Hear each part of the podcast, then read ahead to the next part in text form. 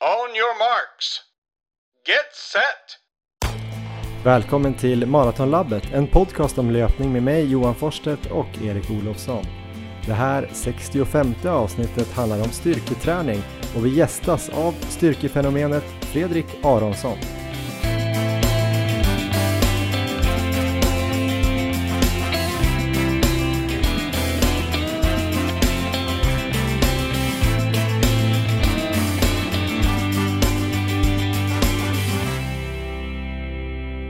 Hej Erik! Eh, är du redo för inspelning av avsnitt 65 av podcasten Maratonlabbet? Tjena Johan, jag hoppas jag är redo. Härligt! Eh, innan vi drar igång dagens avsnitt så tänkte vi tacka alla lyssnare. Fortfarande jäkligt kul att så många lyssnar, eller hur Erik? Mycket.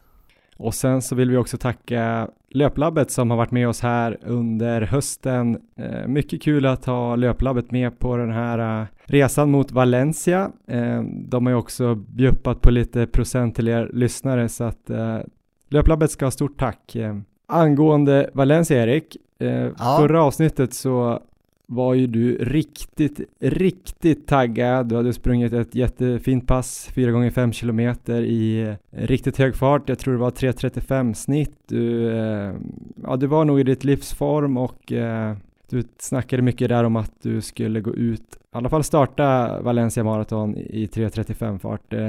Känns det lika bra idag? um, nej, det gör det inte, tyvärr. det Ja, det känns så länge sedan på något sätt. Det var sådär. Um, nej men det har ju sista två veckorna här då sen vi spelade in sist, det har ju, jag har hållit mig frisk, jag har varit skadefri, jag har kunnat träna på efter planen. Men jag, jag har blivit sjukt dålig Johan, jag vet inte vad som har hänt. Det är jättetråkigt. Jag hade ju lite på känn här att du inte kanske skulle vara så positiv och att det kanske blir ett mörkt avsnitt, kanske det mörkaste avsnittet av Maratonlabbet. ja. För jag ringde ju dig tidigare idag för att jag skulle bara snacka igenom lite innehåll till inspelningen och eh, bestämma tiden. Då svarade du mitt i passet tror jag. Du lät väldigt andfådd, nästan som eh, när vi sprang den här swimrunnen, när du låg bakom mig i skogen och hade maxpuls och flåsade. Det och kändes så.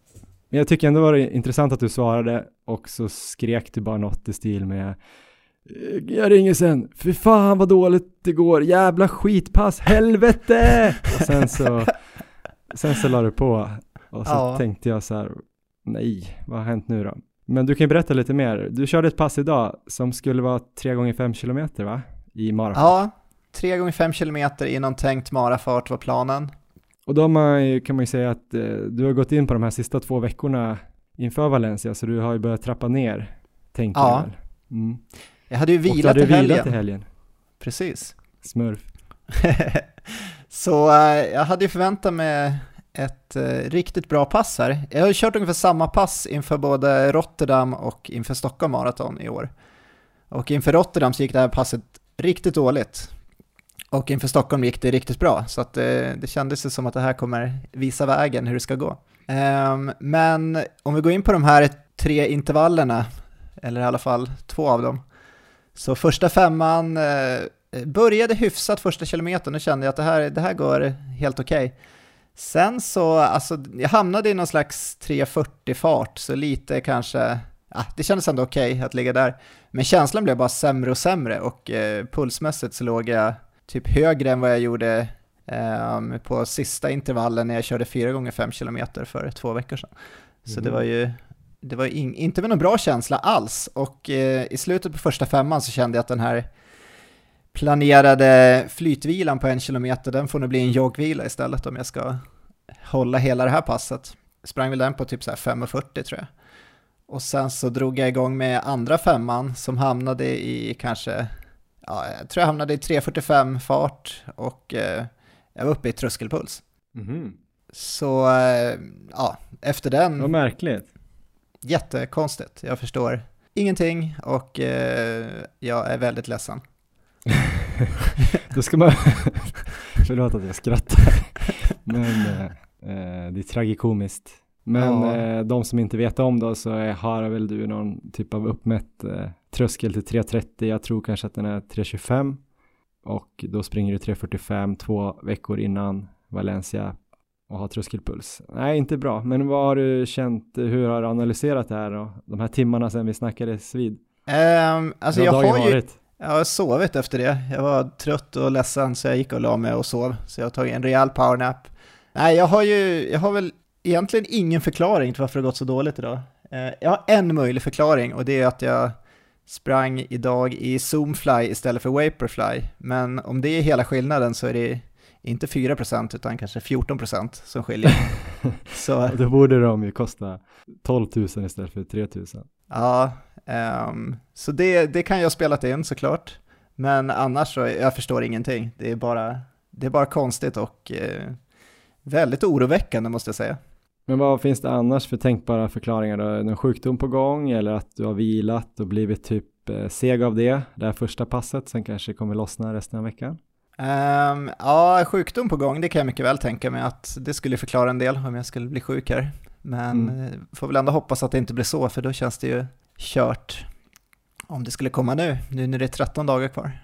Men det är ingen typ av eh, sån här taper madness som har gått överstyr? Ja, taper madness är ju, där jag, pikar jag, där är värre än någonsin, men det här borde ju inte ha med det att göra, tycker jag. Vi skulle ju ha ett möte här imorgon angående podden och lite grejer. Du har ju redan liksom aviserat att du inte kan åka tåg till Stockholm på grund av förkylningsrisk. Ja. Du kunde sträcka dig till att åka, du kunde köra bil till någon eh, norrförort i Stockholm, kanske.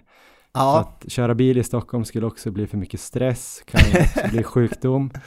Ja. Eh, nu då när det här passet eh, blev så dåligt, kommer du överhuvudtaget kunna träffa mig imorgon? Ja, alltså det, det får vi väl hoppas. Um, jag, vet, jag, vet, jag vet inte om det blivit så mycket sämre, alltså, um, nu känner jag mig uppgiven. Förut var jag väldigt, eh, ändå väldigt så här, laddad och jag tänkte att uh, nu ska jag bara minimera alla risker, men nu känner jag bara en stor uppgivenhet och uh, jag tänkte, har inte du någon förklaring Johan, vad är det som har hänt? Varför, varför har det blivit så här och uh, vad kan jag göra för att det ska bli som det var för två veckor sedan igen. Jag vet faktiskt inte varför det har blivit som det har blivit, men däremot så kan jag väl bara ge dig samma råd som du brukar ge mig när det går dåligt för mig. Jag kommer ihåg att jag hade något riktigt dåligt pass ute på Lidingö. Eh, det hade ungefär samma känsla tror jag som du hade idag, kanske ännu sämre. Eh, ja. Jag avbröt och joggade hem och grät mig till sömns. Eh, ganska oförklarligt också varför det gick så dåligt plötsligt jag kommer inte ihåg att jag blev någon sjuk efter det eller sådär. Det var bara en riktigt dålig dag. Så jag tror att mitt råd till dig är att försöka glömma det här, gå vidare. Ja. Kanske bryta mot ditt sånt där uh, godisförbud som du hade nu de sista veckorna. Gå och köpa lite smågodis. Ja. Uh, sätta på lite skön musik.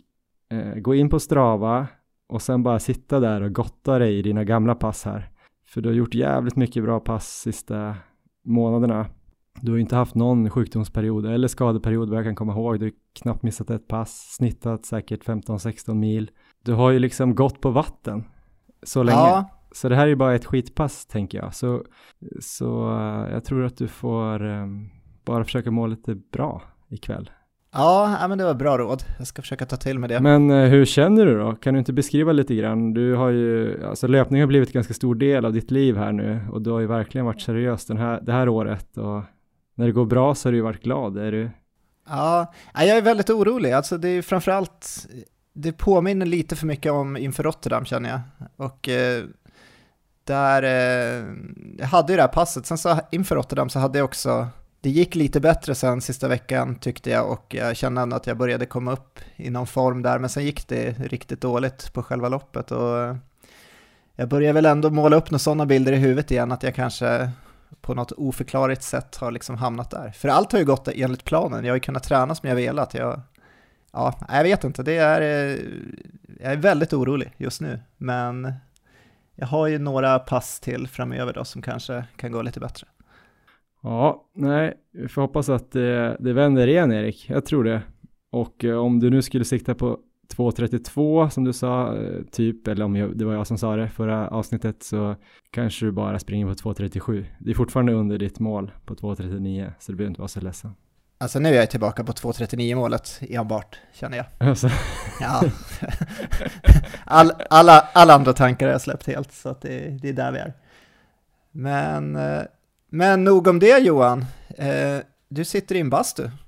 Jag sitter i en bastu, eh, spelar in. Eh, varför gör jag då det? Jo, för att jag blev lite utkörd från min lägenhet där eh, Emma har en kompis på besök och Elmer som springer runt, runt, runt, runt och runt och skriker. Typ. Ja. Nej då.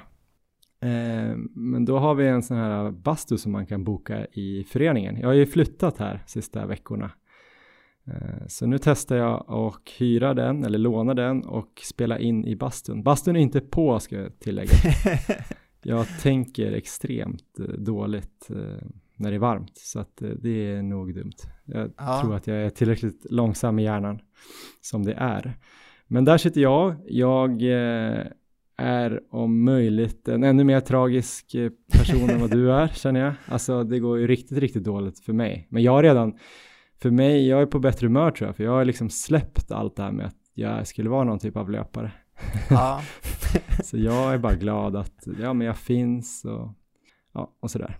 Jag känner mig taggad på löpningen också faktiskt, men kanske inte så mycket inför Valencia om jag ska vara ärlig. Ehm, ja. Det har inte gått jättebra sen sist. Jag hade väl något vägskäl där förra avsnittet också. Jag hade lite höftproblem. Mm, tror vi pratade om det och eh, skulle väl testa lite grejer förra veckan då blir det och hade gjort ett ganska bra schema i alla fall. Så på pappret såg det bra ut. Men eh, ja, det ville sig inte riktigt.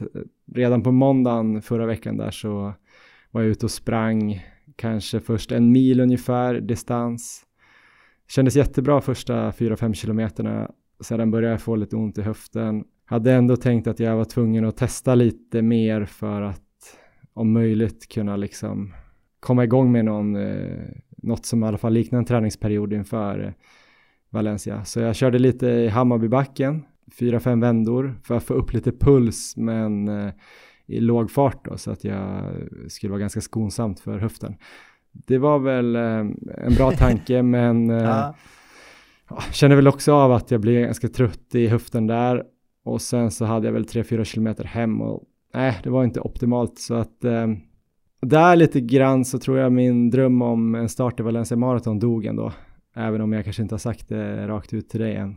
Är den död eller lever den fortfarande? Det är så tråkigt att, att döda någonting men uh, den är ju 99% död. Ah, okay. Om jag inte får någon knäpp, alltså allting säger emot att jag ska springa. Det här att man ska lyssna på kroppen, det har väl vi säkert sagt i den här podden till och med.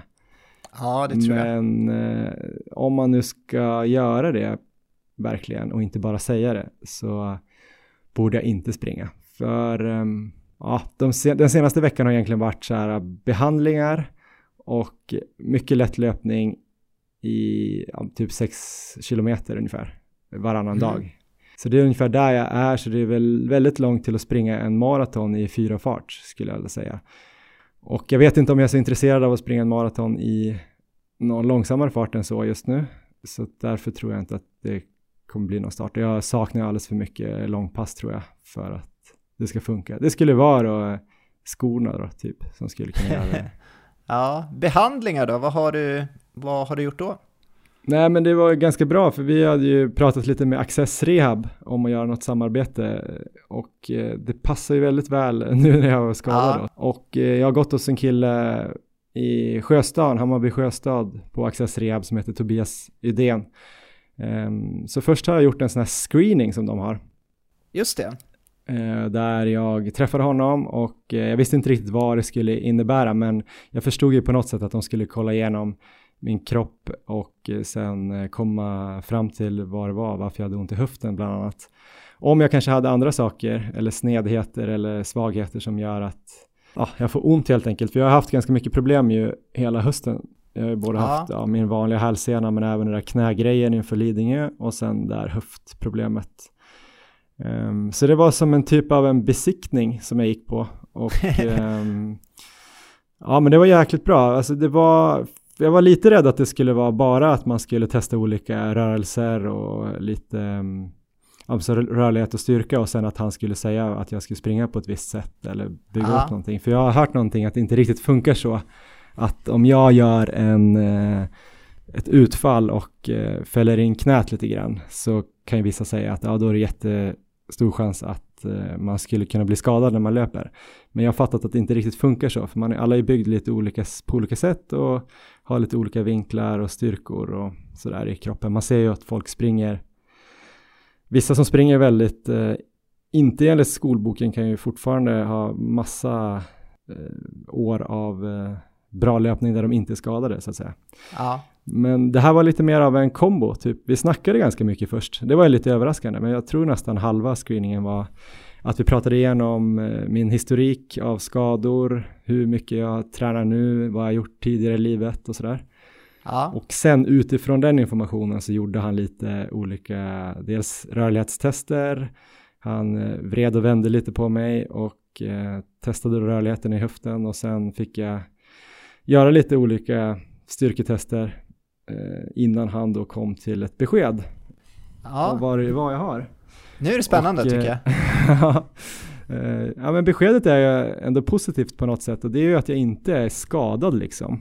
Jag har Ja. inget, det är ingen muskelskada eller några senor eller något som det är något problem med. Det är inget som är trasigt så att säga, utan det är mer en smärta då utifrån hans analys, hans diagnos, någon typ av smärta utifrån eh, ja, överbelastning helt enkelt. En längre tid där jag kanske har kört lite hårdare än vad jag klarat av, kanske lite för mycket eh, hårda pass kanske på rad och sådär, dålig Ja. vila. Lite mycket kuperat kan jag tänka själv. Ehm, så det här är väl kroppens sätt att signalera att eh, om jag inte tar det lite lugnt så kanske kan hända någonting som är mycket, mycket sämre. Och eh, sen dess har jag gått eh, på två behandlingar hos Tobias för att om möjligt komma tillbaks snabbt då på löpning. Ja. Jag har fått lite olika övningar som ska stärka upp höften och även eh, få mig att våga lita på höften igen. Är det här något upplägg som eh, var planerat att ta dig till Valencia eller är det mer på lång sikt som du jobbar här eller är det någon kombination? Ja, men första delen att göra den här screeningen var nog lite mer på lång sikt. Att eh, kanske se om det är någonting som gör att min högersida i högerbenet fungerar lite sämre.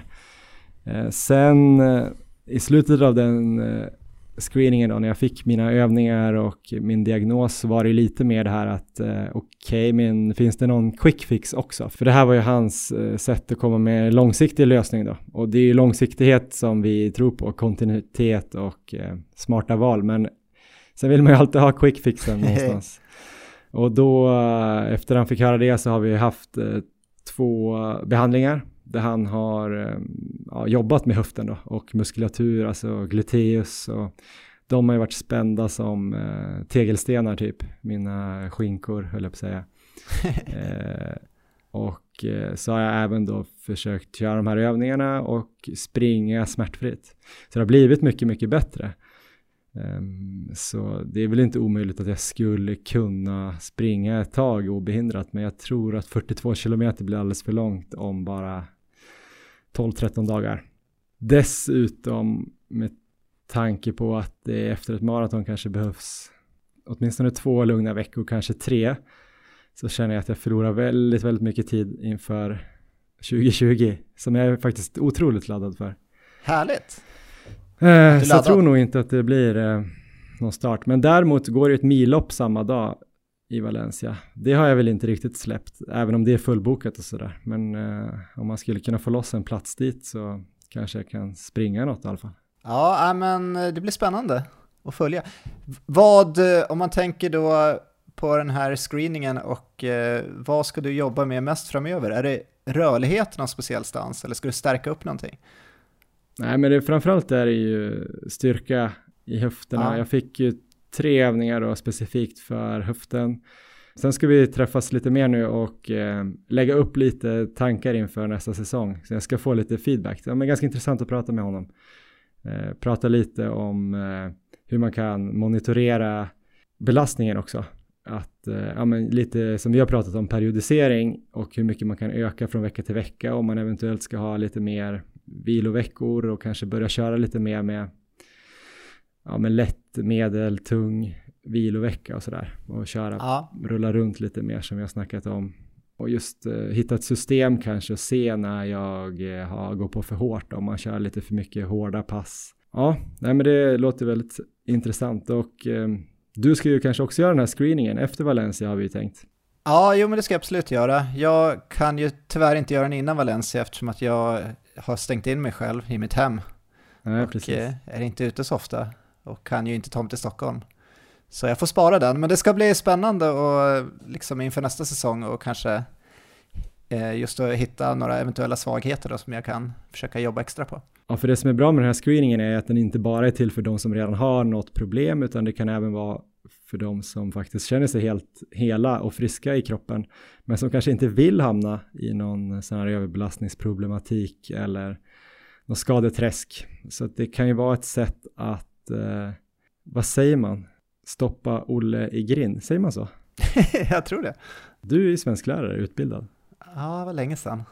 Jag jobbade med det. Mota Olle i grind kanske. Nej men i alla fall att man kan ju kolla upp eh, och, eh, och få någon typ av riskbedömning vad man ska kanske jobba med för att inte hamna i de här skadorna. Och där eh, skulle det vara intressant för dig ju, just eftersom du har sån himla hög volym nu. Och du Ja. har ju verkligen eh, löst det bra hittills. Men man vet ju aldrig. Verkligen. Och eh, om man vill testa på den här screeningen så har faktiskt Access Rehab också eh, gett er lyssnare 25% på en sån här screening med en kod som är Maratonlabbet 100, alltså Maratonlabbet 100. Så bokar man en sån här screening som eh, ordinarie kostar 1500 spänn, då är det två tillfällen man träffar dem och gör själva screeningen en timme vid ett tillfälle och sen kommer man tillbaka och får eh, diagnos eller vad ska man säga, en plan med lite övningar och tankesätt sådär. Så eh, får man det för 1125 nu istället och det ska man boka då innan sista december i år. Maratonlabbet 100, Maratonlabbet 100 och eh, det kan ju vara en bra present antingen till sig själv eller till en eh, löparkompis eller en sambo eller något sånt där. Men mycket tråkiga nyheter både från dig och mig då, även om jag tror att eh, det är eh, ganska bra med dig egentligen. Det är nog mörkare för mig. Men eh, vi kanske ska gå in då lite mer på något roligare som vi Ja. båda tycker om. Det Och låter det bra. är ju styrketräning, något som vi också har fått väldigt mycket frågor om. Och förhoppningsvis kommer de frågorna besvaras i det här avsnittet och vi tänkte kicka igång det här ämnet med en intervju med Fredrik Aronsson eller FA Optimal Prestation som han heter på Instagram. On your marks. Get set. Ja, välkommen Fredrik Aronsson till Maratonlabbet. Hur är läget? Eh, tack så mycket. Det är kanon. Eh, jo då, det, det rullar på här. hur, hur, hur är det själv? Det är bra tack. Eh, lite problem med en höft men eh, börjar bli riktigt taggad för nästa säsong tror jag. Jag börjar nästan eh, ana att jag måste lägga ner den här säsongen även om det var ett lopp kvar. Ja, just det, du skulle ner till Spanien va? Ja precis, så vi får se. Jag kanske åker dit som hejaklacksledare nu till eh, Erik. Men vi får se, så jag kör lite styrka nu och eh, kör lätt löpning och vi har ringt upp dig då för att prata lite styrka och varför har vi ringt upp dig då tror du Fredrik? Vem är du? Eh, ja, jag jobbar ju med träning eh, och har väl en bakgrund som personlig tränare sedan långt tillbaka men även eh, eh, den medicinska biten då i och med att jag är utbildad fysioterapeut. Mm. Eh, jag jobbar ju en hel del med träning, det är så mitt liv ser ut och eh, undervisar även en del på just för ja, konditionsidrottare på konditionsidrott, PT-utbildning, där vi pratar styrka en hel del till exempel. Så jag kan väl tänka mig att det är där någonstans vi, vi, vi har hittat varandra. ja, första gången jag fick reda på vem du var, det tror jag var för att du tränade Kalle Zackari Wahlström. Jag vet inte om det var ditt mediala Ah. genomslag, att han började posta om dig på Ja, Instagram. just det. Eh, Det sen- var då det hände. Det var då det hände. Men sen så Ja. hade jag ju som, dig, som sagt dig på eh, den här EPT, konditionsidrott, eh, personal trainer-utbildningen. Och så tycker jag det är lite intressant, för även om du är ganska duktig på att löpa, du springer ju ändå milen under 40 och halvmaran under en och en halv, så är du väl inte riktigt löpare i grunden. Du känns lite mer crossfit styrketräning om man följer dig på Ja. Instagram. Ja. Vad är ditt förhållande Jag, till löpning? Alltså jag, det, det är lite som du säger, jag, är, jag, ty, jag tycker löpning är väldigt, eh, väldigt kul och jag, och jag tycker egentligen om löpning men, men jag mm, kommer liksom aldrig iväg och träna löpning. Jag, tycker nog inte det är kul, själva träningsbiten. Nej. Eh, Det är nog det som är problemet. Och så, så tar det för mycket tid i mitt liv, känner jag. Eh, Det finns så mycket annat kul. Man fastnar lätt på gymmet eller med kettlebells eller på andra sätt. Mm. Så, så jag har ett väldigt fint förhållande till, till eh, löpning men, men, men det är ingen, ingen stabil relation, så kan man säga. Men hur eh, många löpare tränar du, eller tränar du många löpare i styrketräning så att säga? Och varför tycker du att eh, löpare bör köra styrka? Jag har väl haft en hel del som kommer till mig, då är det väl kanske främst då för eh, eh, egenskap av, av, att jag är fysioterapeut och att de, att de vill rehabba sina, sina hälsenor eller knän eller höfter eller mm. vad det handlar om i, i, i samband med löpningen. Och då blir det också lätt att vi, vi kanske fixar till det där ganska snabbt, att vi, att vi kommer på rätt spår och identifierar vad som är boven i dramat. Och sen, sen kanske vi börjar tänka lite mer prestationsökning i själva löpningen då tillsammans med prehab om man får använda sådana ord, lite mm. förebyggande. Så, så, där, där kommer jag in en hel del i, i hur, i hur styrketräningen faktiskt kan komplettera löpningen på ett bra sätt och, och inte, inte då bara eh, behandla skador eller, eller rehabilitera skador utan mer kanske också förebygga skador med styrketräning och ökar prestationen helt enkelt. Just det. Om man kollar väl lite just på det här prestationsbiten för jag tror många kör lite sådär rehab eller prehab för alla löpare är skadade någon gång på året känns det som, eller ja. känning. Men just det här att liksom förflytta sig, kanske bli bättre löpare på gymmet så att säga. Tror du på det eller och vad ska man göra då? Absolut, och det där tror jag väldigt många har mycket att hämta. Just att de kanske, ja men det, det, det finns ett, ett hål att fylla där i många träningsprogram tror jag. Att mm. faktiskt lägga in lite tyngre träning och göra göra folk starkare så kommer de prestera bättre. Och det är många mekanismer som ligger bakom det. Alltså det, det självklara är väl egentligen att, man, att det är skadeförebyggande, det tror jag alla har hört. Mm. Just med styrketräning, att man stärker vävnaden, alltså man stärker muskler, leder, senor, eh, kroppen i allmänhet så att den klarar mer och så blir rent mekaniskt starkare. Det är ju aldrig dåligt, tänker jag. Nej, men jag tänker om man eh, går vidare sen då till prestationsbiten. Jag ja. tycker vi kan fokusera lite där för att vissa löpare, jag tror att fler och fler löpare ändå förstår att eh, det finns saker att göra på gymmet eh, även för prestation men eh, det är nog många som är lite, vill nog lägga sina timmar i träningsspåret men mm. som kanske skulle kunna behöva ta bort en timme löpning och lägga in en timme styrka. Vad kan man göra där tänker du?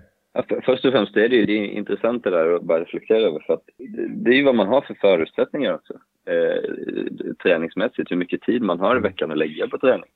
För att självklart måste man ju lägga huvudfokus där man vill bli, bli bra på, det mm. specifika. Så vill man bli duktig på att springa och bara ha någon timme i veckan på, på sig att träna, men då måste man ju springa den timmen. Mm. Eh, om man ska dra det till ytterligheten.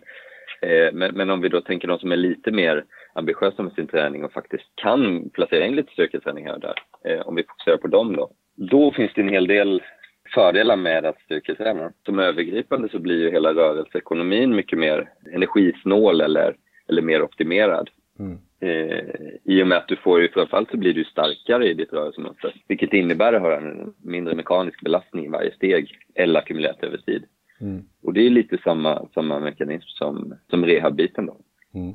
Och jag, jag, brukar förklara det så här som att för mina löparklienter att om, om, vi, om vi säger att de är ute och springer i given hastighet och och varje löpsteg belastar benen med kanske, nu, nu bara drar jag till med en siffra, men säg 30 procent av deras, deras maxstyrka, deras maxkapacitet.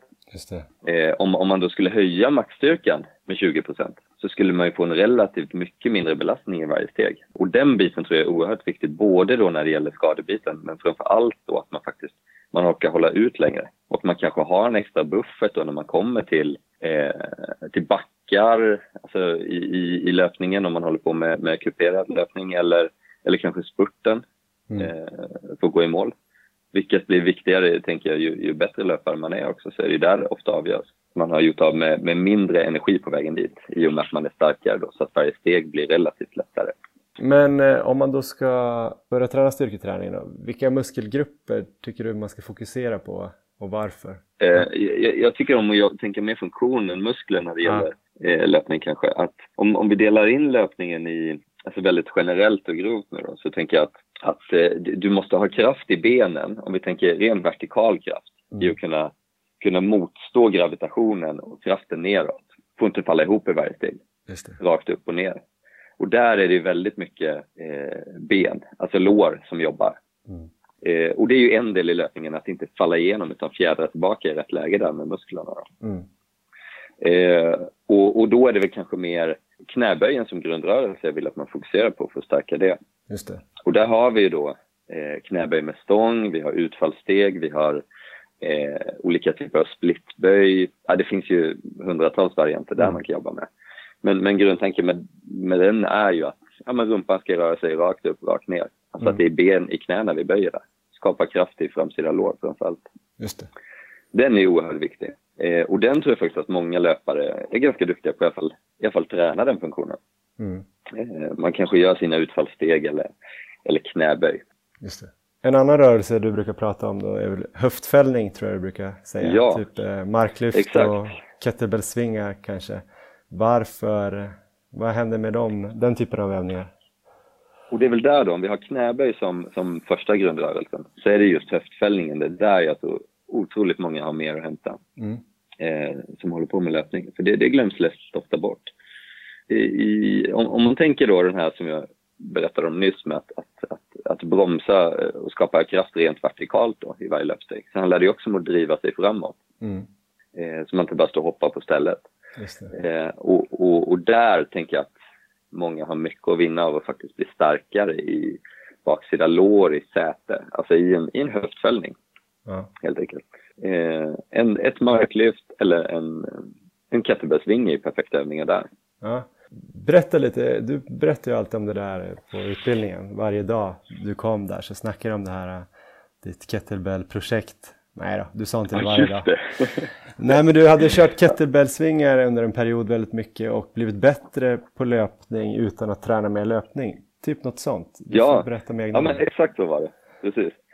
Jag, jag har alltid tyckt sådär, jag, jag vill ju kunna eh, springa milen under 40 minuter. Det, det, är en sån grej som jag, som jag tycker att jag, det, det ska alltid checkas av. Mm. Den fysiken vill jag ha då. Men sen eftersom jag inte tycker om att löpträna så är det inte, det är inte helt okomplicerat det där. Så det, det kräver ändå lite, lite kapacitet att göra det. Så, så, så jag, jag körde väl, ja men min klassiska löpträning har väl varit sådär att man, ja men jag tar 20 minuter i veckan kanske och kör några intensiva fyra minuters intervaller eller något liknande sådär. Och så, så blir jag ju ganska snabb på det där. Mm. Eh, men, men det håller liksom inte riktigt. Så varje gång jag försökte så låg jag väl på ja, men 41 minuter ungefär. Eller i alla fall en bra bit över 40 mm. på milen. Och så eh, tänkte jag, men äh, jag skippar det här. Sen, sen hoppade jag på ett projekt som jag läste om med 10 000 svingar ska man göra. Då. Just det. Jag tror det heter 10 000 kettlebell swing challenge eller något sånt där. Eh, och då ska man göra dem på fyra eller fem veckor. Så det gjorde jag dem på fyra veckor såklart. eh, eh, det finns ett, färdigt upplägg till hur man kan göra. Men det är 2500 det, i veckan då? Ja, Fem dagar i veckan eller varje jäkla dag? volym. Och där vill jag ju bara, innan de bara kastar sig in i det här så tycker jag att man ska ha bra koll på sin teknik då i svingen ja. innan man kastar sig in i det. Det kan ju vara en liten disclaimer. Yes. Men, men i alla fall då så, så testade jag det och eh, ja, alltså det, det um, gjorde inget annat egentligen för det fanns inte energi till någonting annat i livet just då än att springa. eh, och sen efter fem veckor när jag, när jag testade att springa igen så, så spräckte jag direkt. Eh, jag sprang på 39 och 20 tror jag. Eller sånt. Var det samma typ och, av och, bana och allting? Ja, ja, det, det var på bana. Precis. Exakt samma bana. Och sen dess har jag liksom aldrig, aldrig varit några problem heller. Nej. Och var under 40. Eh, så så eh, jag, jag tror ju Eh, jag är ju ganska kritiskt tänkande. Så att jag tänker så här, ja visst det kan ju ha varit att jag vilade från löpningen och återhämtade mig. Fick någon form av superkompensation. Men eftersom jag inte tränade så mycket löpning så tror jag faktiskt inte det var det. Eh, jag körde ju bara ett, max två intervallpass i veckan. Mm. Kanske max en timme totalt. Mellan 30 och 40, eh, ja någonstans där. Eh, utan det var ju de här svingarna som gjorde att jag fick ett sånt, en jäkla skjuts i löpsteget. Jag kände hur jag flög fram efter. Så det är någonting som jag rekommenderar många löpare också att göra. Och faktiskt så har ju många blivit starka löpare av det också, som jag har jobbat med. Men om man ska köra just svingar, vad skulle du rekommendera för eh, vikt ungefär då när man har fått koll på tekniken och blivit lite starkare? Alltså jag läste en intressant studie där med att ungefär en tredjedel av kroppsvikten är väl den kettlebellen där man, där man ofta pikar i, i, i ja, men hur mycket kraft man kan producera. Eh, för det handlar om att ta tillräckligt lätt så att man kan göra en explosiv rörelse men ändå tillräckligt tungt för att belasta. Just det. Så någonstans en tredjedel av kroppsvikten om man har eh, perfekt teknik. Då. Yeah. Annars tycker jag att man kan börja eh, betydligt lägre. Och är man helt ny till det där så kanske man ska lära sig svinga med eh, 12-16 kilo. 16 kilo skulle jag vilja säga för de flesta. Mm. Och uppåt. Och sen då om man inte kanske har tid, ork eller man kanske också vill springa om man inte fixar de här 2500 i veckan, finns det någon eh, lägre nivå man kan hoppa in på som du tror ändå ger resultat? Ja, absolut. Det här är ju ganska extremt. Eh, det, det, här tror jag, skulle, skulle alla lyssnare testa det här nu så skulle nog många gå sönder och några skulle tappa livsgnistan. Det, det, det, det är inte så jag det är inte det jag säger att alla ska hoppa på det här projektet utan det var mer bara ett sätt att testa för mig själv vad, vad, vad, vad stubingmekaniken gör för löpningen. Mm. Så att jag tror att, att man kör en två, tre pass i veckan kan, kan ge jättestor effekt och där man kanske håller sig till, alltså just med svingarna är det svårt att säga repsantal för det beror på hur lätt det är och hur, mm.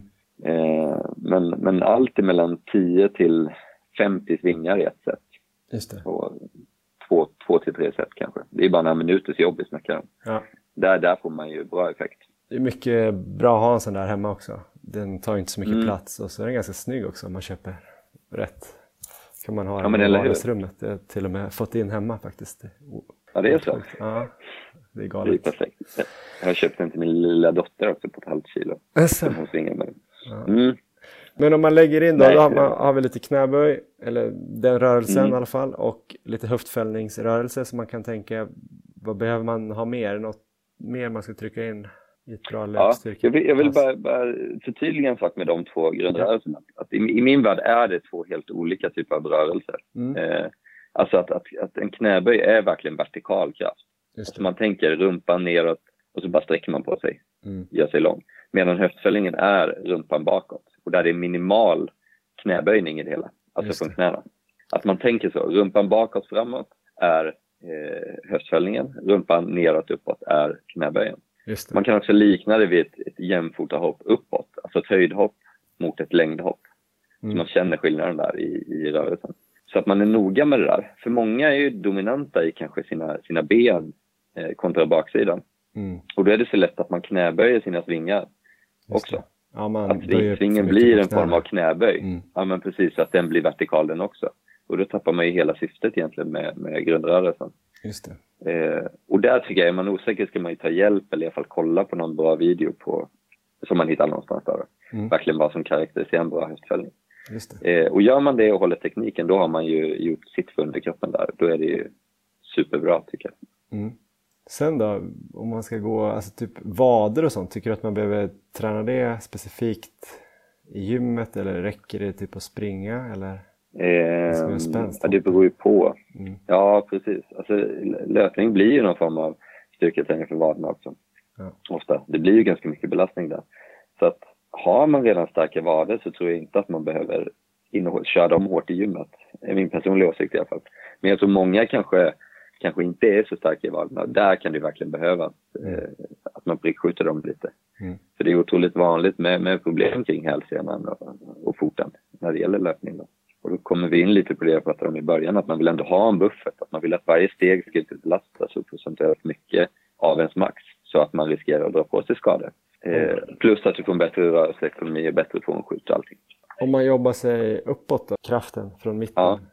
vad är det för krafter man vill kanske motstå där då, antar jag att du pratar om? Ja, men, ja exakt. För, för det rent löpteknikmässigt, det, det jag brukar få, få mm, lite skit för i min egna, med min egna löpteknik, det är väl att jag är för stabil i bålen. Att jag mm. skapar för lite, mm. lite rotation där. Men det är ju mer en löpteknik-grej, tänker jag, att få ha rörligheten där.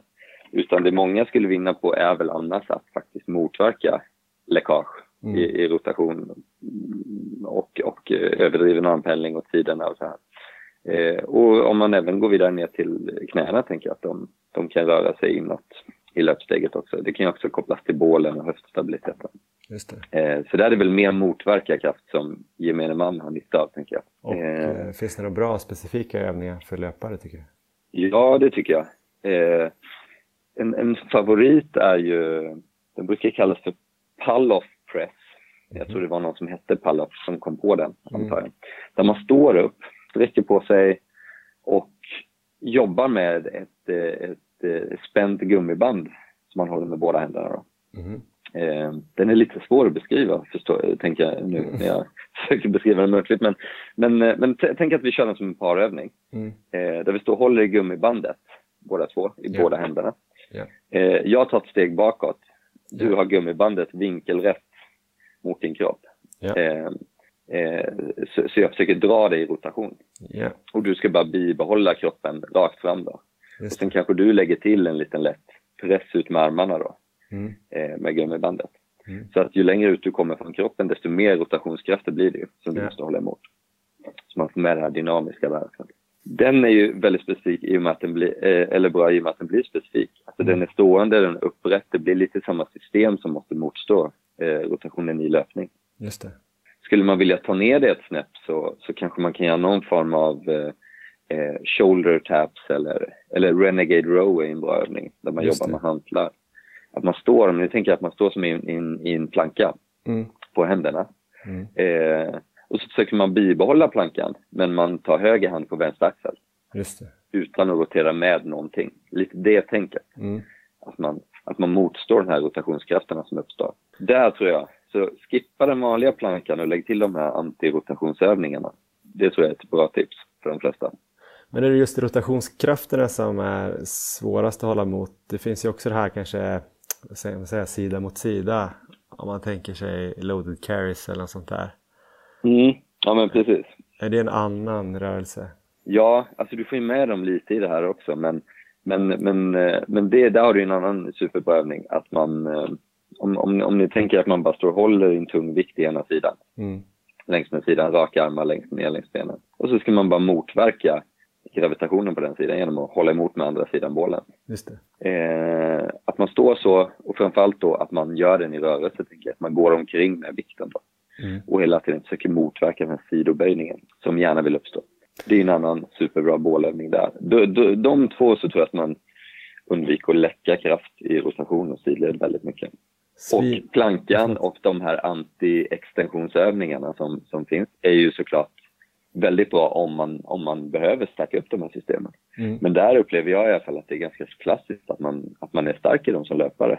Jag har nog sett en enda löpare som inte kan hålla en planka i flera minuter. Nej. Och, och, och då har man ju liksom slagit i taket lite där. Då är man ju redan stark nog där. Det är då man behöver pusha sig lite mer, tänker jag. Nu tolkar jag dig lite här och lägger kanske orden i din mun men ett, ett bra styrkeprogram för en löpare behöver inte vara så jättemånga övningar och kanske inte jättelånga pass. Däremot ganska tungt. Ja, precis. För det, det är där jag tror många missar. Att, de, att när de tänker att de tränar styrka så tränar de inte styrka överhuvudtaget. Utan de kanske tränar någon form av väldigt låggradig styrkeuthållighet eller nästan mer som motion för musklerna.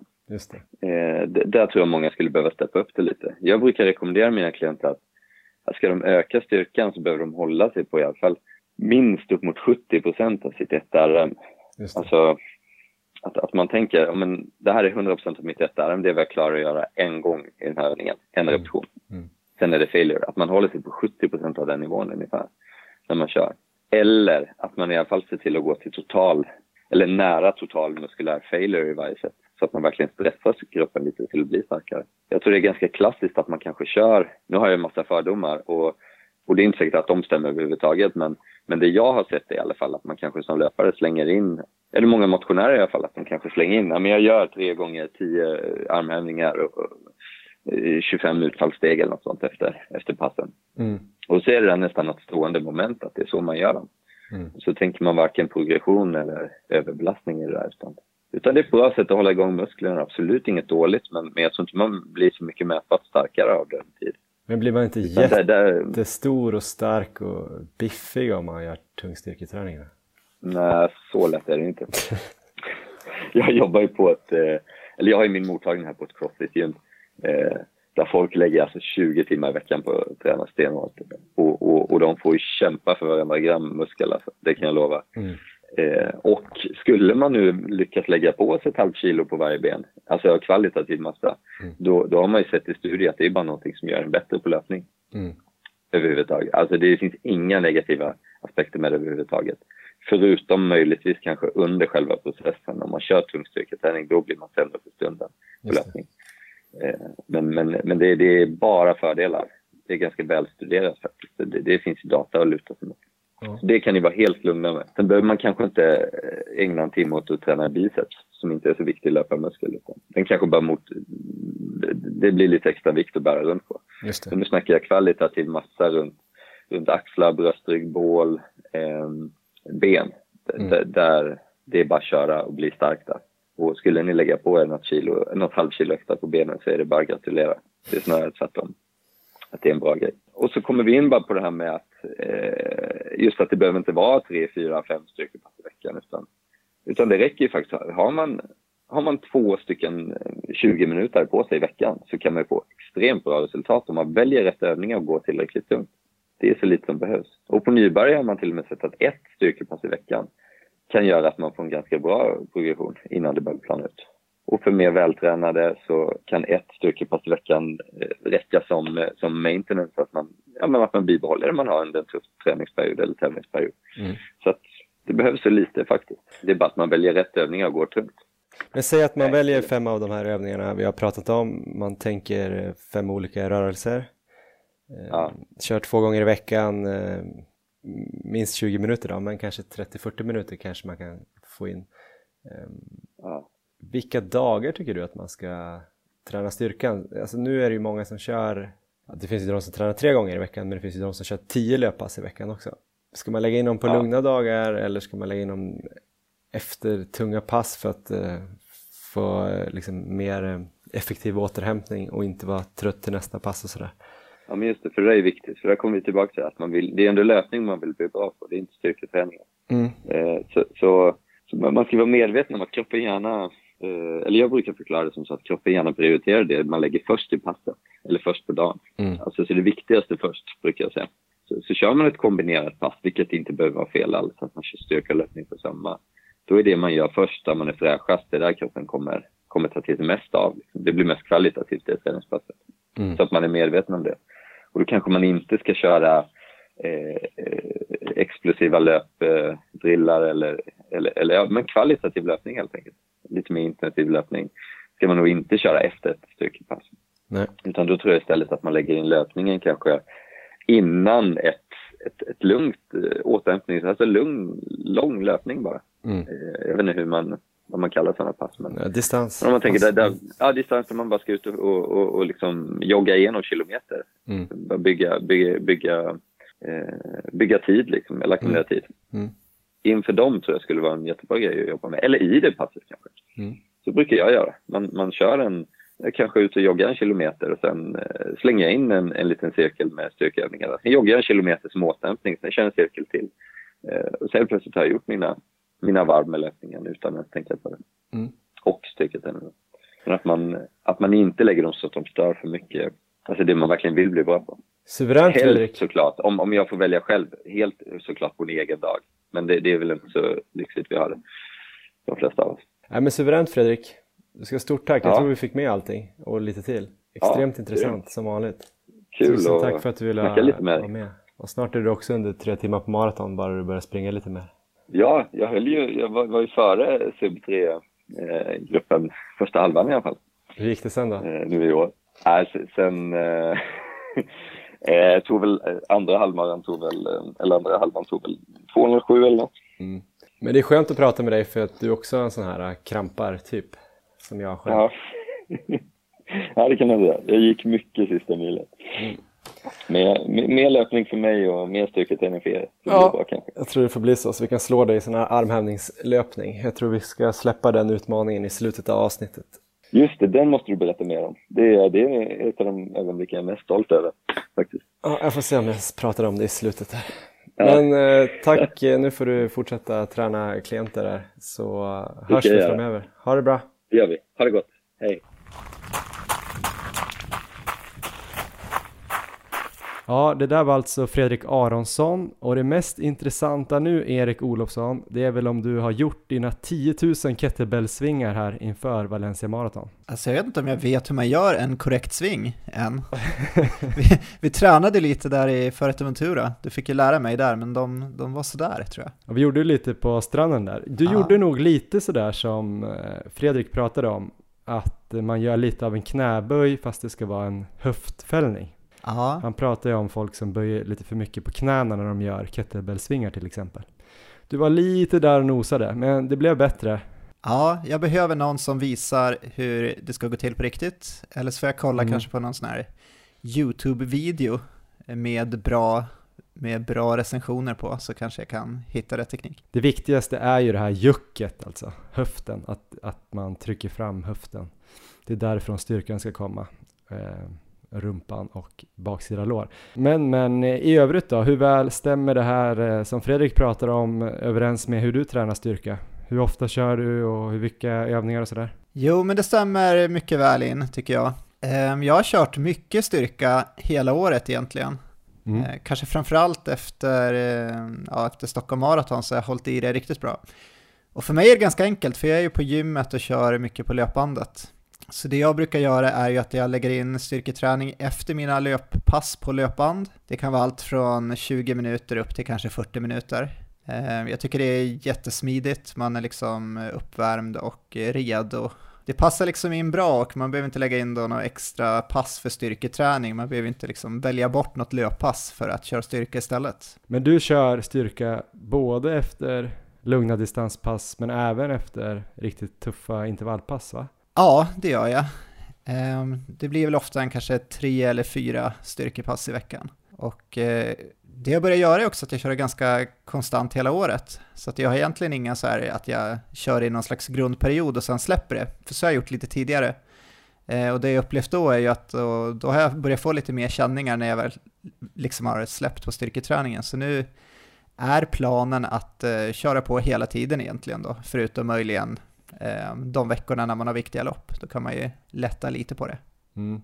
Ja, men det är intressant det där för um, om man snackar periodisering då eller hur man ska träna olika delar av säsongen så tror jag också att rekommendationen är att hålla i styrkan året ut. Men däremot kanske man kan göra lite olika typ av styrketräning om man vill vara riktigt så här enligt skolboken. Ja. Men man kanske kan köra riktigt tunga grundbasövningar i kanske grundperioden och bygga riktigt eh, styrka liksom.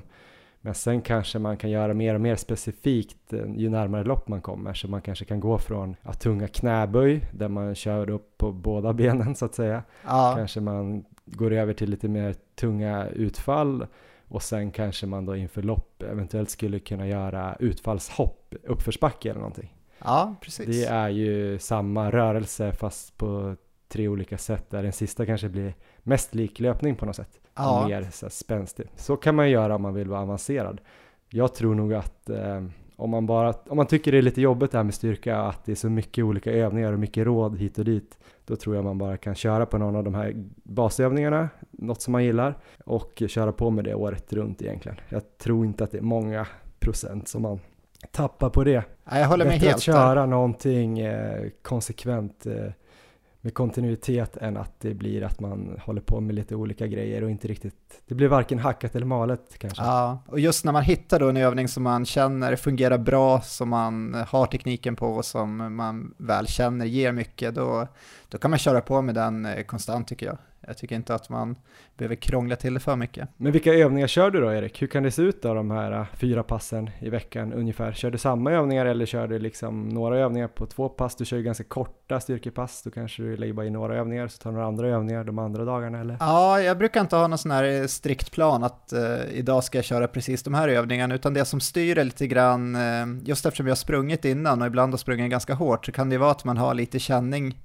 till exempel i vaderna, och eh, mm. har jag då lite extra känningar i vaderna, då kör jag troligtvis inte vadstyrka det passet, utan då kanske jag kör baksida istället. Och samma sak där om jag har känning någon annanstans. Och så kan det också styra sådana saker som att eh, det är inte alla eh, redskap som är lediga jämt heller. Så om jag planerar till exempel att köra marklyft och sen så är alla de upptagna, då kanske jag eh, kör andra övningar istället. Mm. Så lite så här öppet brukar mina program vara. Ska vi gå in på övningar då så är det ju eh, ganska mycket övningar som vi nämner här i intervjun. Och det är mm. ju marklyft har jag börjat med och det har jag varit väldigt skeptisk till förut och rädd för. Eh, mm. just att eh, rädsla för att få ont i ryggen, lyfta fel och så vidare. Men eh, det är ju mycket på råd från dig här i början av året när vi pratade eh, som jag började köra på det. Jag körde lite lättare från början och sen verkligen eh, fokuserade mycket på tekniken och eh, kollade klipp på hur jag skulle göra mm. det och så vidare. Um, och sen har jag börjat kunna köra tyngre och tyngre där och uh, nu så kör jag en hel del marklyft och det känns ju som en väldigt bra basövning att ha med. Marklyft är ju lite missförstådd så det är väldigt, väldigt många som jag pratar med som är rädd ja. att man ska skada ryggen i marklyft. Men eh, det finns ju faktiskt studier på det där att det till och med är bra för rygghälsan att lyfta marklyft, eller det kan ju vara bra. Vet man om att man har ett diskbrock så ska inte jag eh, rekommendera den personen att börja direkt med marklyft, men det kan faktiskt vara, eh, förutom operationer då kanske, det kan faktiskt vara en bra ja. väg att bli bättre i ryggen, för man blir starkare i ryggen. Det är, eh, men sen ska man ju veta vad man gör, man ska inte ändra ryggens läge medan man lyfter och sådär och man ska helst inte vara så krum men är man krum genom hela lyftet lite grann så kanske det är så man kanske ser ut och sådär men man får väl kolla upp det där och kanske ta en PT. Man, ett tips som jag, har, som jag gjorde faktiskt när jag, på mitt gym var ju att jag hade faktiskt en eller två sådana här gratis eh, som ingick i medlemskapet. Just det. Då tog jag två sådana PT-pass men jag tränade ju inte på de PT-passen utan jag valde ut kanske två, tre övningar ja. totalt som vi bara gick igenom. Ja. Och som vi nötte och nötte och inte kanske för att jag skulle bli bäst i världen på de här övningarna men jag ville bara veta att så här, om jag gör den här tekniken som jag gör nu kommer det ge mig en skada eller ser det bra ut liksom? Och sen fick jag bara ett okej okay, och sen kan man ju lassa på. Alltså marklyft, det blir lite läskigt om man är ovan att lyfta tungt men där kan man ju lugnt lyfta upp mot sin dubbla kroppsvikt. Alltså jag ja. menar, det finns ju de som lyfter fyra gånger sin kroppsvikt eller mer, men jag menar bara även vi eh, taniga löpare kan ju komma upp i det. Så man ska ja. inte vara orolig om man kommer upp eh, en bit över hundra liksom. Jag har kommit upp i min kroppsvikt nu ungefär, så jag börjar ju ganska ja. lågt. Men det tycker jag är jättebra tips Johan, att uh, investera i uh, ett eller två tillfällen kanske och sen komma dit och ha klart för sig vilka övningar det är man vill, man vill satsa på och man vill att tekniken ska sitta på. Det kan vara marklyft och benböj till exempel och någon till som man känner sig lite osäker på. Vad kör du med då? Eh, sen så kör jag benböj, eller knäböj, eh, mm. som det kanske heter. Och eh, det tycker jag också fungerar bra. Man kan ju, om man då jämför den med till exempel benpressen, den här maskinen man sitter i, så ska man få det riktigt löpspecifikt då är det bättre att starta eller satsa då på övningar där man är i någon slags löpposition, stående mm. och eh, så att båda, även om båda jobbar då med samma muskelgrupper så är ju benpressen inte lika effektiv för löpare. Men så den lägger jag in och även lite utfallssteg av mm. eh, olika varianter. Sen så har jag också jobbat en hel del med vaderna. Och det var mycket efter att vi var hos Fredrik Selén här för drygt ett år sedan. Eh, så insåg jag väl att jag var väldigt svag i vaderna, helt enkelt. Jag hade ju haft problem innan med strama vader och eh, under sista året nu så har jag fokuserat väldigt mycket på det. Så jag har en övning då som heter statisk vadpress som jag fick av Fredrik som jag kör mycket på och även lite sådana här andra typer av tåhävningar, både stående och sittande. Just det. Ungefär så kan det se ut och eh, lite core på det. Mm. Själv då Johan? Jo, men när jag lyssnade på intervjun, eller när jag gjorde intervjun, så slogs jag ganska mycket av eh, hur likt jag tänkte Fredrik. Sen om jag tänkte så innan jag hade honom som ja. tränare på den här PT-utbildningen eller om jag blev influerad av honom helt och hjärntvättad vet jag inte. Men eh, jag körde och kör fortfarande ganska mycket sådana här basövningar som det kallas. Och det är de vi har varit inne på. Knäböj, marklyft. Och det är även då kanske pull-ups och olika pressar. Sådana övningar som jobbar med flera ja, med flera muskler, flera leder eller vad man ska säga samtidigt. Så att man, eh, en isolerad övning kanske kan vara biceps curl. Då kanske man gör en sån här basövning som pull-ups för att jobba både med biceps och dra sig upp men även ryggen till exempel. Det är mycket ja. mer effektivt och mer likt då en rörelse som Fredrik pratar här om att han tänkte mer rörelse än eh, muskelgrupper. Så, men just nu kör jag väl gym ungefär två gånger i veckan försöker jag hålla. Jag kör ju då kanske lite längre pass än vad du gör Aha. och eh, kör bara två gånger. Nu har jag kört tre gånger den här veckan, eh, mest för att jag har lite problem med höften och inte kan springa lika mycket och jag tycker det är ganska kul att vara på gymmet faktiskt. Eh, ni får tycka att jag är konstig, men så är det. Eh, och jag kan gilla också att komma in i sådana här perioder, ofta på vintern, när jag försöker pressa mig lite hårdare i gymmet. Alltså att jag verkligen ja men, är noga med att skriva upp vad jag gjorde förra passet. Och sen försöker kanske slå det nästa pass och sådär. Så att jag har någonting att sikta mot. Så det inte bara blir den här att man går in och kör tre gånger åtta eller tre gånger fem på samma vikt som man har gjort i flera år. Utan att jag kanske väljer ut någon övning kan jag också göra. Att jag liksom nu ska jag verkligen ta ett steg på typ marklyft till exempel. Ja. Och gör något schema. Så försöker jag bli starkare i den. Och då brukar många andra övningar hänga med liksom. Just det, om vi ska prata repetitioner där då, vad tycker du man ska ligga på ungefär, sikta på? Ett vanligt pass för mig så tänker jag att jag kör upp mot 5-6 repetitioner kanske. Ja. Så ganska tungt och om jag kör en femma då, säg att jag kör marklyft eh, ja, mellan 3 till 5 gånger 5 ungefär. Då tänker jag väl kanske inte, då kanske jag tänker att jag kör med den vikten som jag skulle klara en 8 på en gång eller någonting. Ja. Så man behöver ju inte ligga exakt på det maxet man kan utan ligga lite under. Det är lite som löpning, alltså det handlar ju om att köra ganska hårt ganska ofta så att man inte bränner ut sig. Skulle man bara gå ner och köra 3 gånger 8 på typ det man kan göra en 8 varje pass så skulle det bli för tufft. Så så tänker jag lite grann, men in, jag är inte rädd för att göra ganska tungt och det är lite som Fredrik sa att eh, styrketräning är ju att träna styrkan och, och starkare blir man ju genom att köra ganska tungt. Ja, precis. Så lite så. Sen är det väl det här med svingarna som vi snackade om, där kan det bli lite fler.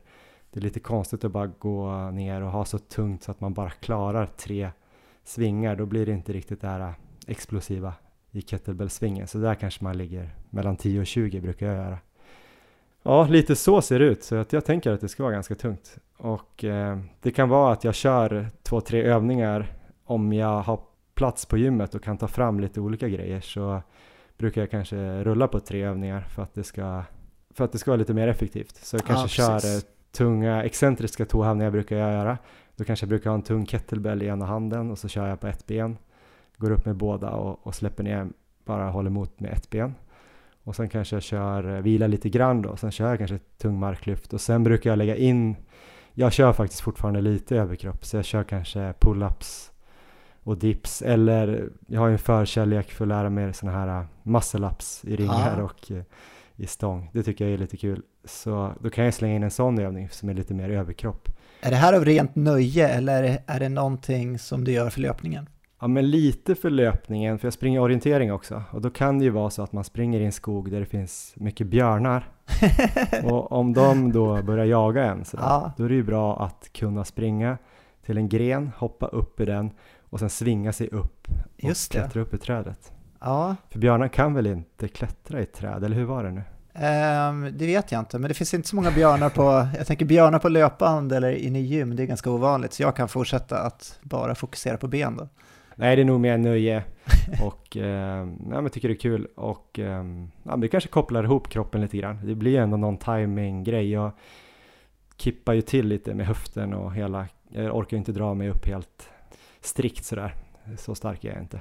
Just det. Ja, men så ser det ut eh, ungefär varje gång och sen kanske jag då rullar på eh, marklyft, sådana här hip thrust när man ligger ner med ryggen mot en bänk och juckar uppåt som en höftlyft heter det kanske också. Men riktigt tung vikt då som man har eh, ja, precis nedanför naveln eh, på höfterna så trycker man upp det och sen svingar och sen knäböj kan ju vara knäböj, utfall, upphöjda utfall. Typ så. Ja, jag tycker alltså en sån här rädsla som man hör väldigt mycket som eh, ni tog upp här i intervjun, och det är just det här om att eh, kan man bli för biffig som löpare? Jag tror att eh, den oron kan nog i princip alla släppa som tränar så pass mycket löpning då som jag gissar att de flesta av våra lyssnare gör. Mm. Ehm, för det är, ju, det är ju i princip omöjligt att eh, lägga på sig så pass mycket muskler att det liksom skulle bli någonting negativt, precis som Fredrik säger. Så även om man nu skulle lyckas lägga på sig lite grann så kommer det ju i slutändan bara vara positivt. Så att den, vad ska man kalla det för, myten kan vi väl ändå slå hål på här. Och sen även om man då skulle lägga på sig lite så är de andra fördelarna mycket större tänker jag. Att Ja, man verkligen. undviker skador, man får bättre rörelseekonomi, man eh, får en högre tröskelfart kanske för att man får ett bättre steg, ett, en bättre spänst i varje steg liksom på samma energiförbrukning. Så det är väldigt mycket som gör att man blir bättre.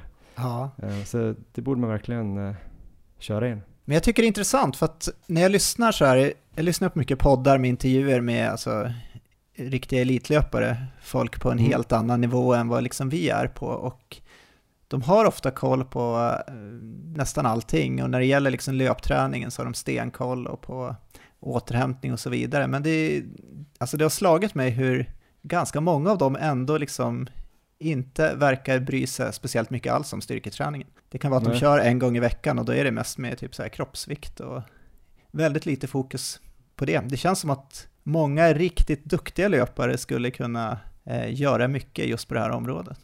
Det kom ju lite videos där på när Mo Farah och Galen Rupp eh, Just tränade det. ihop här för några år sedan. Ja. Då blev jag väldigt glad för att jag tyckte att eh, det är kul att ha några riktigt duktiga löpare som är riktigt tunna som visar att de eh, kör riktigt hårt. De körde ju mycket tunga marklyft och tunga knäböj, sen kanske de inte körde jättedjupa knäböj sådär, men jag tror ändå Mo Farah var uppe liksom på en och en halv gånger sin vikt i, ja. i knäböj och sådär. Och det känns ju kul. Sen är det väl mycket det här att man kanske ser kenyaner och så tänker man så här, ja men hur ofta har Kipchoge gjort, en tung marklyft? Så här, Nej det kanske han inte har gjort. Och då tänker man så här, han är ju bäst, då borde inte jag göra det. Ja, Samma kör... som när jag spelar fotboll tror jag det var mycket så här att, ja men Leo Messi är ju bäst i världen. Han känns ju inte som någon som står i gymmet så ofta. Men eh, Cristiano Ronaldo är också bäst eh, i världen, eller var, eller är. Ja. Han lär ju ha kört ganska mycket gym, eller Zlatan till exempel kör ju mycket gym. Så att jag menar, det beror på vem man plockar och sen de här som är riktigt bra, då är det inte säkert att de är bra för att de inte tränar styrketräning, utan de kanske är bra trots att de inte tränar ja, styrketräning. De skulle kanske varit ännu bättre om de hade kört lite styrka. Ja, precis. Det, det tror jag. Um, en annan intressant sak som jag tycker kom fram här i intervjun lite grann um, var ju att ni var inne och pratade lite om att man skulle kunna slänga in lite styrketräning eh, så här inne i löppasset också. Och då tänkte jag på ett pass som jag hörde i den här Canova-intervjun, eller intervju, Canova-föreläsningen där från Valencia. Eh, när han pratade om att han la in i den här, i the general period, alltså 20 veckor till 15 veckor innan själva maran. Så jobbade han med någonting som kallas för modified circuits, när de sprang på bana, typ så här 400 meter i marafart och sen bröt de av med någon form av styrkeövning, om det var sådana här squat jumps eller något sådant och sen på igen med 400 meter marafart. Så just under den perioden så arbetade han en del eh, med sådana pass. Så det har jag funderat lite själv på om man kanske skulle försöka få in på något sätt, men jag har insett att eftersom att jag kör eh, nästan all min kvalitet på löpan så kommer det bli ganska svårgenomförbart för mig. Så sugen på att hoppa av löpbandet och sen bara ställa mig och hoppa bredvid. Eller vad tror ja, du? Vad fint. Du kan ju bära dit en eh, kettlebell och eh, så kan du svinga lite bredvid bandet, köra lite. Ja. Så kör du lite eh, goblet squats, alltså knäböj med kettlebellen framför. Så kör du lite och så kör du lite tåhävningar. Jag tror det ska bli en eh, klassiker på gymmet. Men det kanske kan vara något om man kör på uh, inomhusbana till exempel. Där kan det ju passa ganska bra. Ja, men jag har också hört det i någon annan podd att uh, det finns tränare som lägger in det där i vissa perioder av året. Uh, intressant, man får också springa då lite på tunga ben, ja. vilket ju kanske kan simulera uh, slutet av ett lopp. Ja, men sammanfattningsvis då kanske man kan bara säga att kör styrka två gånger i veckan och kör då styrka, alltså någonting som är väldigt tungt. Vissa löpare kanske kör lite mer sådana skivstångspass eller eh, bodypump liknande grejer och det är ju kanske inte riktigt styrketräning på det sättet. Det är någon form av uthållighetsstyrka där man kanske kör 100 reps under en låt eller någonting. Um, inte så effektivt kanske. Uh, just också göra det här 100 utfall eller någonting. Det är ju nästan som att springa. Då är det bättre att springa ja. och sen köra några få tunga Eh, utfall då för att eh, förbättra maxkapaciteten så att eh, just det här att varje steg är då en lägre procent av max vilket kommer göra att man blir mer energieffektiv. Så kör tungt. Ja, sen om alternativet då är att inte köra styrka alls, om det är kanske ett crossfit-pass i veckan eller inte styrka alls, då är det såklart bättre mm. att köra ett crossfit-pass mm. eller ett skivstångspass, men vi är ju ute efter att optimera mycket och då är det ju den här vägen som gäller. Och är man en sån där som verkligen inte vill gå på gym eller kanske inte har råd att gå på gym, då kan man ju tänka sig att det är ju faktiskt även styrketräning att till exempel göra utfallshopp i en uppförsbacke. Där kan man ju göra så tungt så att man bara klarar åtta gånger på varje ben. Det är också styrka. Just det. Eh, och så kanske man kan önska sig en halvtung kettlebell i julklapp från någon. Eh, och så har man den i flera, flera, flera, flera år. Den är gjord av gjutjärn, så den kan ju typ inte gå sönder. Eh, och då kan man göra jäkligt mycket bra grejer, tungt. Så det är kul. Um, innan vi går vidare så måste jag väl kanske nämna den här utmaningen som vi pratade om, eh, den här armhävningslöpningen. Det här tror jag ju även att du skulle kunna vara bra på Erik, så jag hoppas att du någon gång i december Ja. gör ett försök på att slå Fredrik här. För det är lite pinsamt att, eh, att han är bättre än oss på det hittills. eh, utmaningen var i alla fall så att man skulle springa tre kilometer, det var själva utmaningen, men varje hel minut så skulle man göra tio armhävningar. Så eh, man satte igång klockan, då började man göra tio armhävningar Ja, och sen sprang man eh, resten av den första minuten så att säga. Så om man gjorde 10 armhävningar på 10 sekunder, det gjorde man kanske när man var fräsch, då sprang man sen 50 sekunder. Så när det blev 1.00 på klockan gjorde man 10 till. Då kanske man också klarade 10 på 10 sekunder. Då kunde man springa 50 sekunder till och sådär. Men eh, så är liksom eh, utmaningen slut när man antingen inte orkar göra de här 10 armhävningarna på en hel minut så att det går över till nästa minut för då hinner man ju aldrig springa. ja, Då kommer man inget längre. Eller då att man har sprungit 3000 meter. Och eh, Fredrik hade gjort det här på 13.54. Tänkte att det lät ju inte sådär supersvårt. Eh, Jag har tänkt om efterhand. hur gick det Johan? Stack ut och gjorde det här i somras ute i Lit, eh, eller Litsnäset utanför Östersund, Emmas stuga där på en landsväg. Det regnade. Jag sprang bara liksom en och en halv kilometer bort på den här landsvägen och blev omkörd över massa långtradare den här dagen. Eh, kände mig som en idiot när jag hoppade ner och gjorde de här arm, armhävningarna i vägrenen och var lite rädd att ingen skulle se mig och jag skulle bli överkörd också.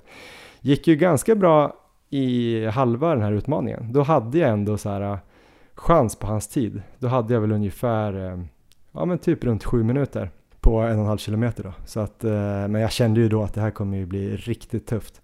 Så när jag vände där, jag tror typ att jag gjorde alltså armhävningar en eller två minuter till liksom. Eh, sen kom jag inte upp alltså. Det var helt sjukt. Man tänker ju att tio armhävningar ska vara ganska lätt ändå.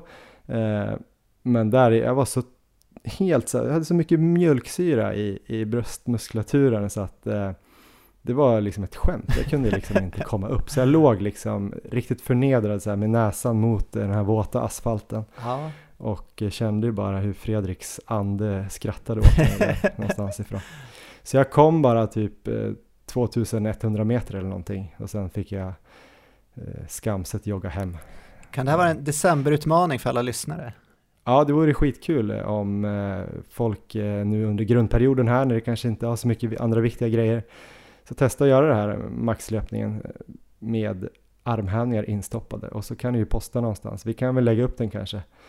Så kan vi ha en liten tävling, kanske kan fixa fram något pris för den Verkligen. som är bäst. Men ehm, ja, men 13.54 är eh, ganska bra ändå för då har jag ändå gjort eh, armhävningar då, i alla fall 130 stycken blir det va? Eh, Ja. Eller blir det till och med 140? Så bara det, att göra 140 armhävningar, 10 varje minut, kanske inte är så himla enkelt som jag trodde. Så springer man däremellan så blir det rätt jobbigt. Spännande, jag ska prova efter Valencia. Kul! Jag tror Mikaela Larsson, eller för detta Mikaela Larsson ska testa också, kanske när hon eh, inte längre är gravid. För det är lite fusk om man kommer ner så här med magen och ska göra så kort då. ja, eh, ja, ja, men nu har vi pratat eh, mycket om eh, lite tyngre styrketräning på gymmet och den här utmaningen. Men en annan viktig del är ju faktiskt styrketräning för fötterna Erik. Det har vi inte snackat någonting om. Är det något du brukar köra? Eh, nej, inte specifikt tror jag. Nej. Jag kanske Vi borde. gjorde ju det lite där på Fuerteventura när vi sprang lite barfota. Det är ju lite mer fotträning kan man tänka sig. Just det. Ehm, jag är ganska dålig på det där men i perioder går jag igång med lite så här eh, lite, gå lite på tårna, gå lite på hälarna jag tänker att det skulle kunna hjälpa lite mot mina hälseneproblem för att det skulle kunna avlasta hälsenorna. Jag tror också att jag kanske skulle kunna bli lite snabbare om jag hade starkare fötter. Och någon som kan mer om det här än vad vi kan, det är ju Eva Alksten som är butikschef på Löplabbet i Stockholm. Men hon är också utbildad sjukgymnast. On your marks. Get set. Ja, då har vi med oss Eva Alksten igen, känd från Maratonlabbet och butikschef på Löplabbet i Stockholm. Hallå, hallå. Det där första kanske var en överdrift, men du var med i alla fall i ett avsnitt här och pratade om skor för några veckor sedan eller några månader sedan var det väl? Det nu låter rimligt. Tänkte jag idag, vi har pratat om styrka i det här avsnittet, lite mer om kanske styrka med tunga vikter på gym, lite större muskelgrupper. Men vi tänker också sådär, du är ju ganska duktig på det här med fotstyrka har jag sett. Jag såg en film på Löplabbets Instagram igår där du visar eh, ganska många olika eh, övningar för eh, styrketräning för fötterna. Varför är det viktigt att träna fötterna? Ja, men dels för att vi använder dem hela tiden. Så fort vi är uppe och gör någonting så belastas ju fötterna på något vis. Vi stöter ju dagligen på personer i min butik här som har problem med fötterna. Både relaterade besvär men också från vardagen att man har generellt ont i fötterna. Mm. Och jag tror ganska många är väldigt duktiga på att lägga ner tid på att köpa löparskor men man glömmer bort vad man har på sig större delen av veckan vilket givetvis är sina vardagsskor. Mm. Man kanske trycker ner dem i ett par tajta kostymskor eller ballerinas eller jättehögklackade. Just det. Och om man har det på sig 40-60 timmar i veckan så påverkar det också extremt mycket mm. hur fötterna mår och deras välbefinnande. Men hur eh, mycket och hur ofta bör man köra fotstyrka och har några exempel på några övningar? Som det mesta så är allt bättre än ingenting. Så om man lyckas få till det en gång varannan vecka så är det bättre än noll gånger på hela året. Men övningarna vi rekommenderar är väl att du ska göra det gärna två till tre gånger i veckan om det går. Mm. Men det gäller just att ta tiden till det. Men fördelen med många av de här övningarna är just att du behöver inte byta om. Du kan göra det framför tvn hemma. Mm. När du gör något annat som inte kräver jättemycket fokus. Just det.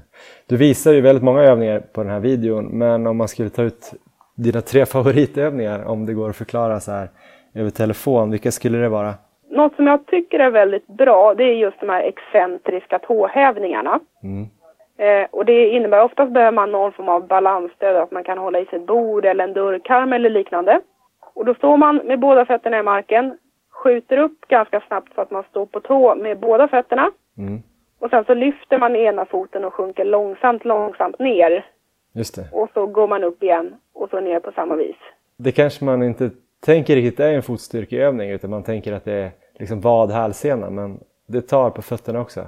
Ja, men det gör det. Du måste ju samtidigt spänna stora delar av foten för att klara av det här. Mm. Så det är en väldigt vanlig övning om du har haft någon form av hälseneproblematik, absolut. Men du får även jobba aktivt med fötterna. Mm. Mer då? En kombination tycker jag är bra just av styrka, rörlighet, aktiv rörlighet men även lite stretch. Det finns en jättebra övning som jag tycker är att man just växelvis går, börjar med att gå lite på tå mm. under ungefär 30 sekunder och sen så byter man och går på hälarna. Och samma övning kan man göra men att man har fokus på att gå på fotens utsida i 30 sekunder och sen växlar man över till att gå på fotens insida. Just det. Tror du att man kan bli en snabbare löpare med starkare fötter? Alltså dels tror jag att du kan bli snabbare för att du minskar risken att skada dig för att du har starka fötter som står emot att du inte blir överbelastad. Men absolut, du tjänar ju på att vara stark i större delen av kroppen så att jag har ingen forskningsstudie på det men jag har tror absolut att det kan gynna löparen.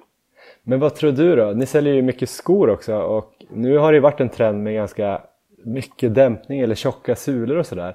Och det kanske behövs just eftersom många springer på asfalt och så men finns det risk att folk blir för svaga i fötterna om man springer i de här uppbyggda skorna jämt? Jag skulle säga, vi brukar ju mer förespråka att om man springer flera pass per vecka att man då har en variation av skor. Just ja. för att fötterna ska få lite olika belastning den klassiska kunden hos oss är ju ingen elitmotionär direkt eller någon elitlöpare utan de springer två till tre gånger per vecka, kanske fem kilometer åt gången. Och då, om vi räknar på att man har den skon på sig 90 minuter, Mm. så är det ganska liten del av veckans alla timmar. Just att jag det. tror inte att det gör att man får svaga fötter och springa i väl, väluppbyggda skor. Nej, jag fattar. Suveränt Eva. Tack så jättemycket för din input så får du jobba vidare, sälja mer skor. Jag gör vad jag kan, jag lovar. Tack, hej! Tack, hej.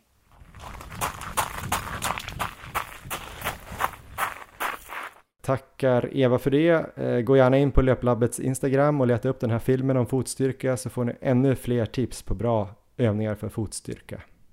Yes, ehm, men om vi ska blicka framåt då lite Erik. eh, Styrka i all ära, men det kanske inte är där du lägger huvudfokus nu, sista 13 dagarna mot Valencia. Det här är ju faktiskt sista avsnittet då som släpps och inför Valencia. Eh, nio dagar kvar när ni kanske lyssnar på det här, om ni lyssnar på det direkt på fredagen. Blir det mycket styrka? Eh, Den här veckan blir styrka ungefär som vanligt och sen så sista veckan släpper jag styrkan helt. Eh, Mm. Så det är min plan. Annars då, hur ser det ut och hur ska du ta dig upp från det här avgrundsdjupa hålet som du befinner dig i just nu? jag vet inte. Men det här är planen. Jag ska springa 10 mil den här veckan. Ehm, Jag har två, vad ska man säga, kvalitetspass kvar. Ehm, På torsdag ska jag springa tre gånger en och en halv kilometer i någon slags eh, fem kilometer till milfart. Får vi se hur det känns då. Och sen så på söndag kommer väl det jag kanske ser som ett nyckelpass nu. Och då ska jag springa två gånger sex kilometer i marafart. Ehm, och där, där måste jag få ett bra besked känner jag.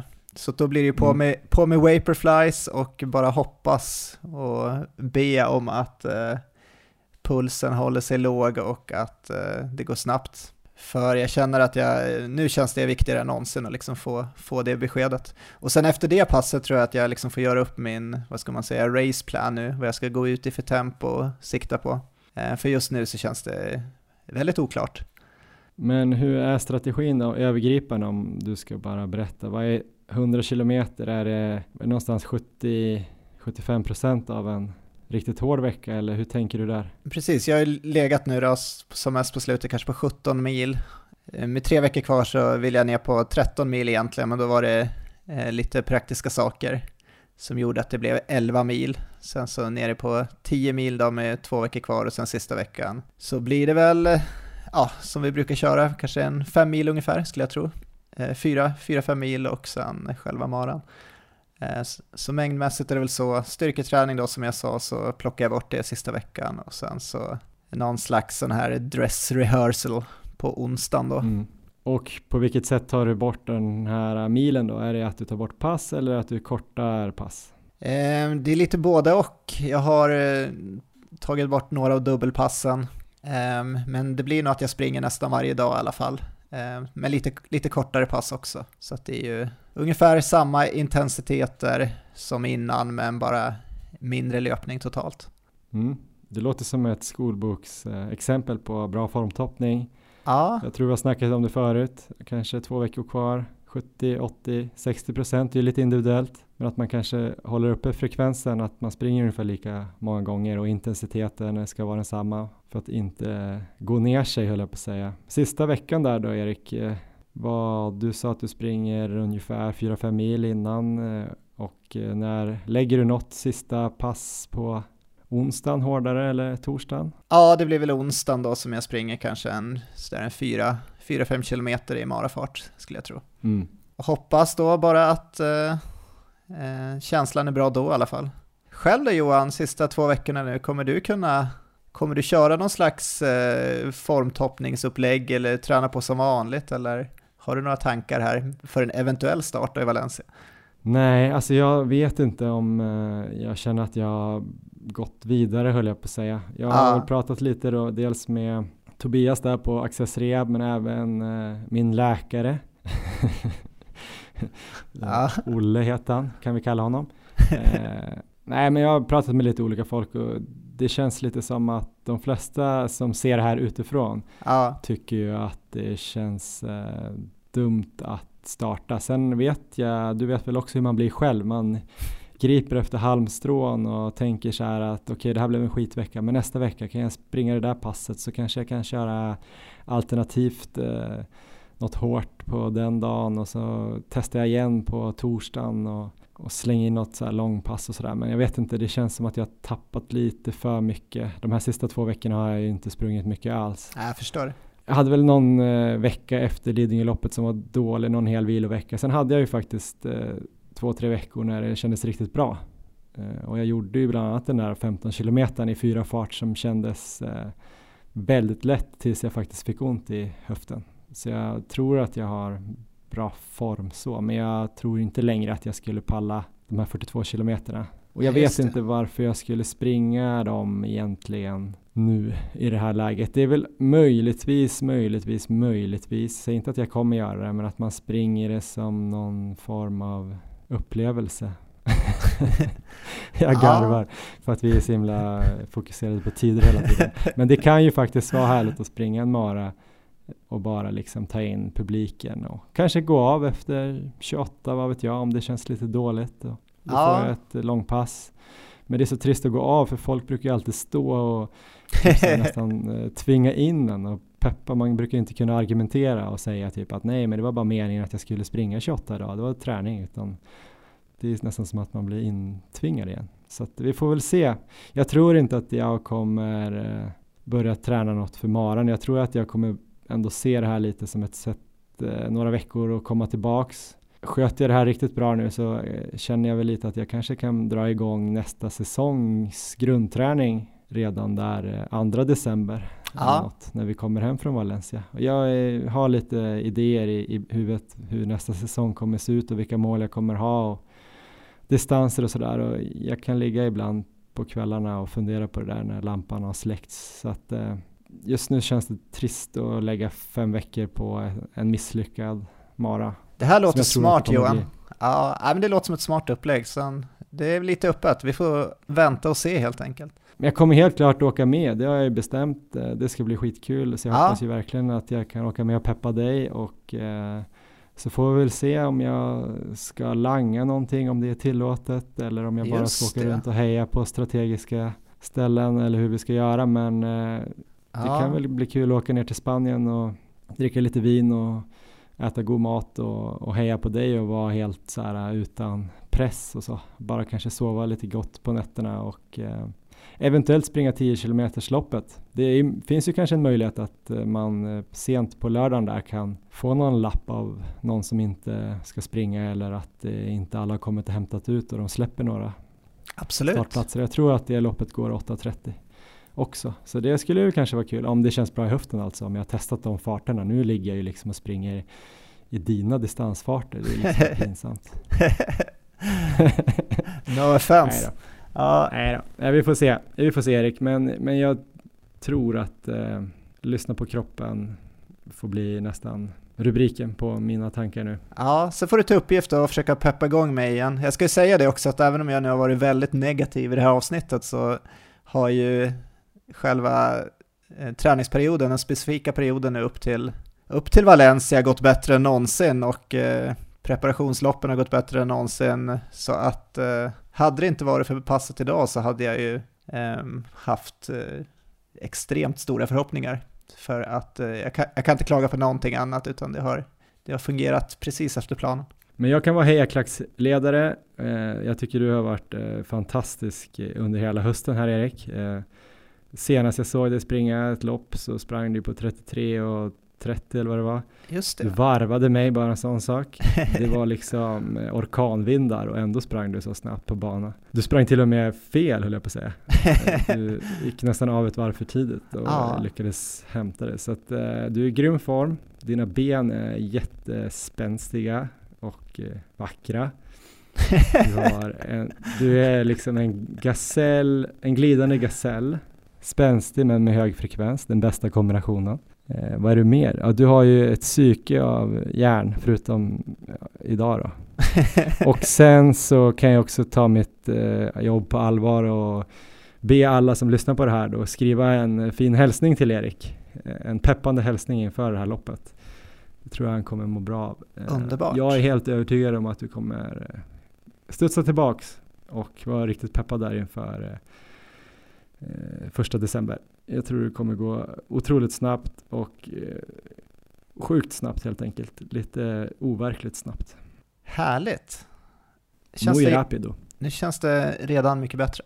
Ja, och eh, eftersom det här antagligen är sista avsnittet inför Valencia så får ni väl hålla koll lite på Instagram där vi heter Maratonlabbet för att se om eh, Erik eh, hämtar sig efter det här och hur det går framöver. Vi, kommer väl även spela in kanske lite videos från eh, resan till Valencia och eh, så får väl jag eller Emma rapportera från själva loppet. Så där behöver man väl också gå in och kolla under dagen där. Som sagt 8.30 den första december smäller det och det är ju väldigt många bra svenskar i farten där. Så det kommer Ja. bli en kul dag. Finns ju också på Strava och eh, vi vill väl också återigen tacka Löplabbet och eh, Access Rehab för det här avsnittet. Ehm, ja, så blickar vi framåt Erik. Ja, det är bara att ladda på nu. Du glider fram på superben över stock och sten. Vamos! Din quadriceps är väldigt len. Hej då! Hej då!